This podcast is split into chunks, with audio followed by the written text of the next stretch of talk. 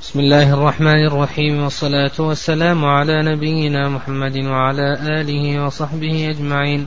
قال الإمام الحافظ رحمه الله تعالى وغفر له ولشيخنا والسامعين فإن سمي وانفرد واحد عنه فمجهول العين أو اثنان فصاعدا ولم يوثق فمجهول الحال وهو المستور ثم البدعة إما بمكفر أو بمفسق.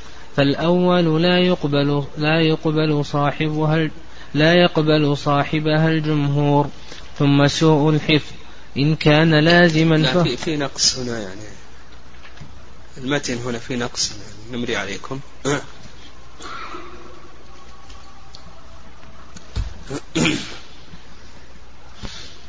نعم. يقول لك فالأول لا يقبل صاحبها صاحبها الجمهور والثاني يقبل ما لم يكن داعية في الأصح. والثاني يقبل ما لم يكن داعية في الأصح إلا إن روى ما يقوي بدعته فيرد على المختار إلا إن روى ما يقوي بدعته فيرد على المختار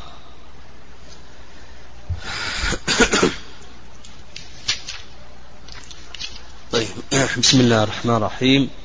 الحمد لله رب العالمين والصلاة والسلام على نبينا محمد وعلى آله وصحبه أجمعين. تقدم لنا آه، أن الجهالة لها ثلاثة أسباب.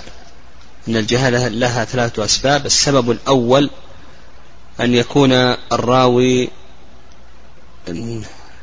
له نعوت كثيرة أو أسماء كثيرة أو ألقاب. فينعت يسمى أو يلقب بغير ما اشتهر به لغرض من الأغراض والسبب الثاني أن يكون مقلا من رواية الأحاديث عن النبي صلى الله عليه وسلم. والسبب الثالث ألا يسمى على وجه الاختصار. تقدم الكلام على هذه الأسباب. قال المؤلف فإن سمي وانفرد وانفرد واحد عنه فمجهول فمجهول العين أو اثنان فصاعدا ولم يوثق فمجهول الحال وهو المستور الجهالة قسمها الحافظ رحمه الله تعالى إلى قسمين. القسم الأول جهالة العين والقسم الثاني جهالة الحال. من هو مجهول العين؟ نعم مجهول العين الذي سمي ذكر اسمه لكن لم يروي عنه إلا واحد ولم يوثق. سمي. لكن لم يروي عنه إلا واحد ولم يوثق. طيب إذا لم يسمى هذا وش يسمى؟ ها؟ إذا لم يسمى مبهم. إذا قيل رجل إلى آخره شيخ هذا مبهم لكن إذا سمي قيل فلان لكن لم يروي عنه إلا واحد ولم يوثق فهذا يسمى بماذا؟ مجهول العين. نعم هذا مجهول العين. وحكمه أنه لا يقبل إلا إذا وثق. نعم حكمه أنه لا يقبل إلا إذا وثق. القسم الثاني مجهول الحال. قال أو اثنان فصاعدا ولم يوثق فمجهول الحال وهو المستور. القسم الثاني مجهول الحال. ومجهول الحال هو الذي روى عنه اثنان فصاعدا لكن لم يوثق. ويسمى بالمستور. فأصبح عندنا الجهالة تنقسم إلى قسمين القسم الأول جهالة العين والقسم الثاني جهالة الحال. مجهول العين هو الذي سمي لكن لم يروي عنه إلا واحد ولم يوثق. والقسم الثاني مجهول الحال هو الذي روى عنه اثنان فصاعدا لكن لم يوثق. ويسمى بالمستور. وأكثر العلم على رد روايته هذا مجهول الحال مستور. نعم. و نعم. نعم. طيب متى ترتفع الجهالة؟ نعم متى ترتفع الجهالة عن الراوي؟ اختلف أهل الحديث في ذلك على أقوال. فقيل بأنها ترتفع إذا روى عنه عدلان. نعم إذا روى عنه عدلان قالوا بأنها ترتفع عنه الجهالة وهذا قال به ابن الصلاح. وقيل إذا روى عنه اثنان من أهل العلم نعم اثنان مشهوران بالعلم. وهذا قال به الخطيب البغدادي. وقيل إذا اشتهر حديثه. يعني وهذا قال به ابن المديني رحمه الله. يقول إذا اشتهر حديثه. والإمام أحمد رحمه الله تعالى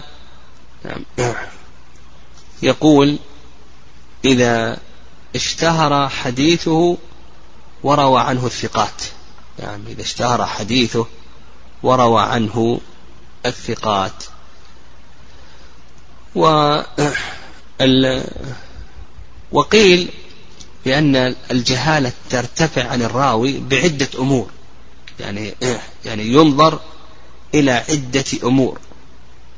ينظر إلى الراوي عن ذلك المجهول. من هو الذي روى عن ذلك المجهول؟ وكذلك أيضا ينظر إلى الحديث الذي أتى به ذلك الراوي. وكذلك أيضا ينظر إلى العصر الذي وجد فيه ذلك الراوي. وكذلك أيضا ينظر إلى موقف الأئمة. نعم ينظر إلى موقف الأئمة من ذلك الحديث قبولا وردا. و فمثل هذه الأشياء يعني في مثل هذه الأشياء هذه ترفع الجهالة عن الراوي. فقد يكون الراوي عن هذا الشخص شعبة. نعم وشعبة إمام كبير. ترفع الجهالة عنه. قد يكون الراوي عنه ابن سيرين رحمه الله وإمام أيضا. فهذه ترفع الجهالة عنه. قد يكون كما ذكرنا في العصر يعني قد يكون في التابعين إلى آخره.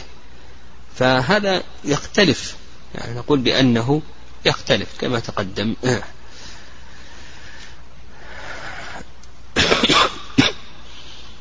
نعم. قال رحمه الله ثم البدعة إما بمكفر أو بمفسق. فالأول لا يقبل صاحب صاحبها الجمهور. من أسباب الرد من أسباب رد حديث الراوي أن يكون مبتدعا. والبدعة نعم البدعة في اللغة مأخوذة من بدع الشيء إذا أنشأه.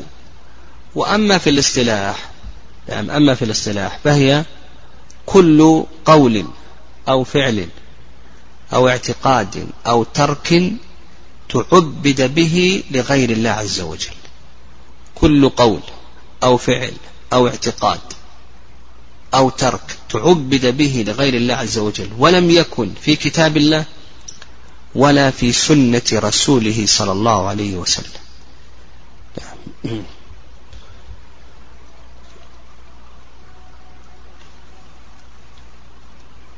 الراوي إذا كان مبتدعا هل ترد روايته مطلقا؟ أو نقول بأن روايته لا ترد مطلقا؟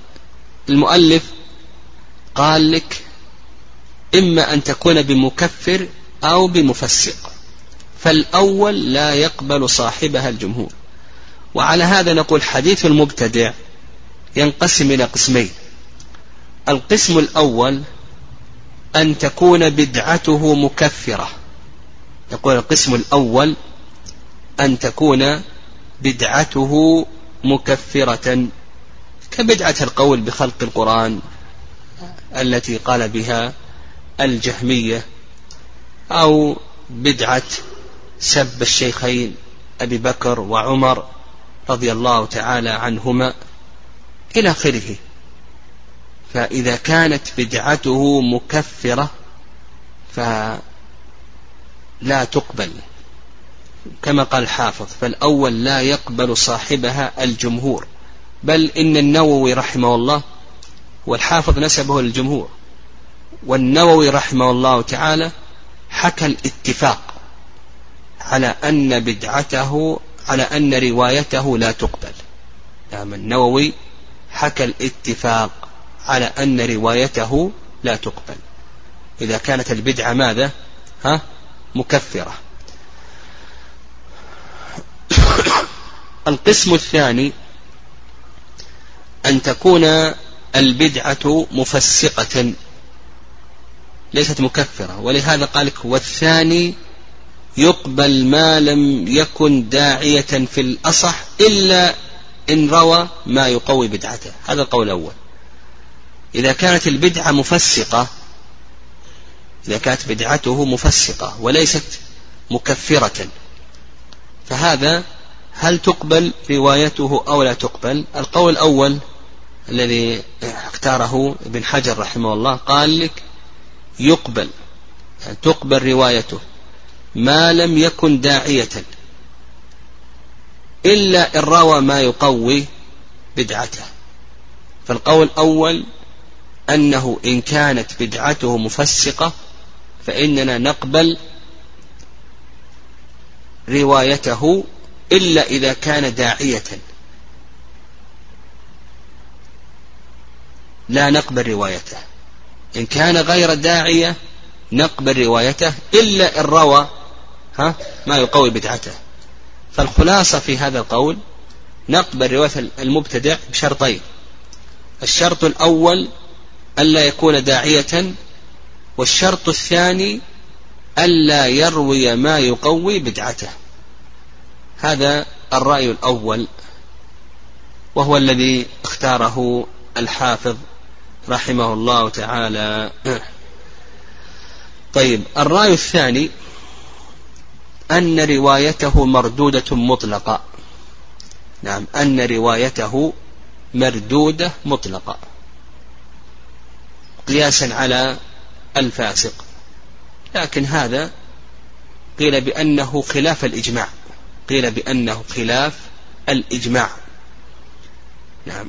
فالقول بأن روايته مردودة مطلقا هذا يكاد يخالف الإجماع.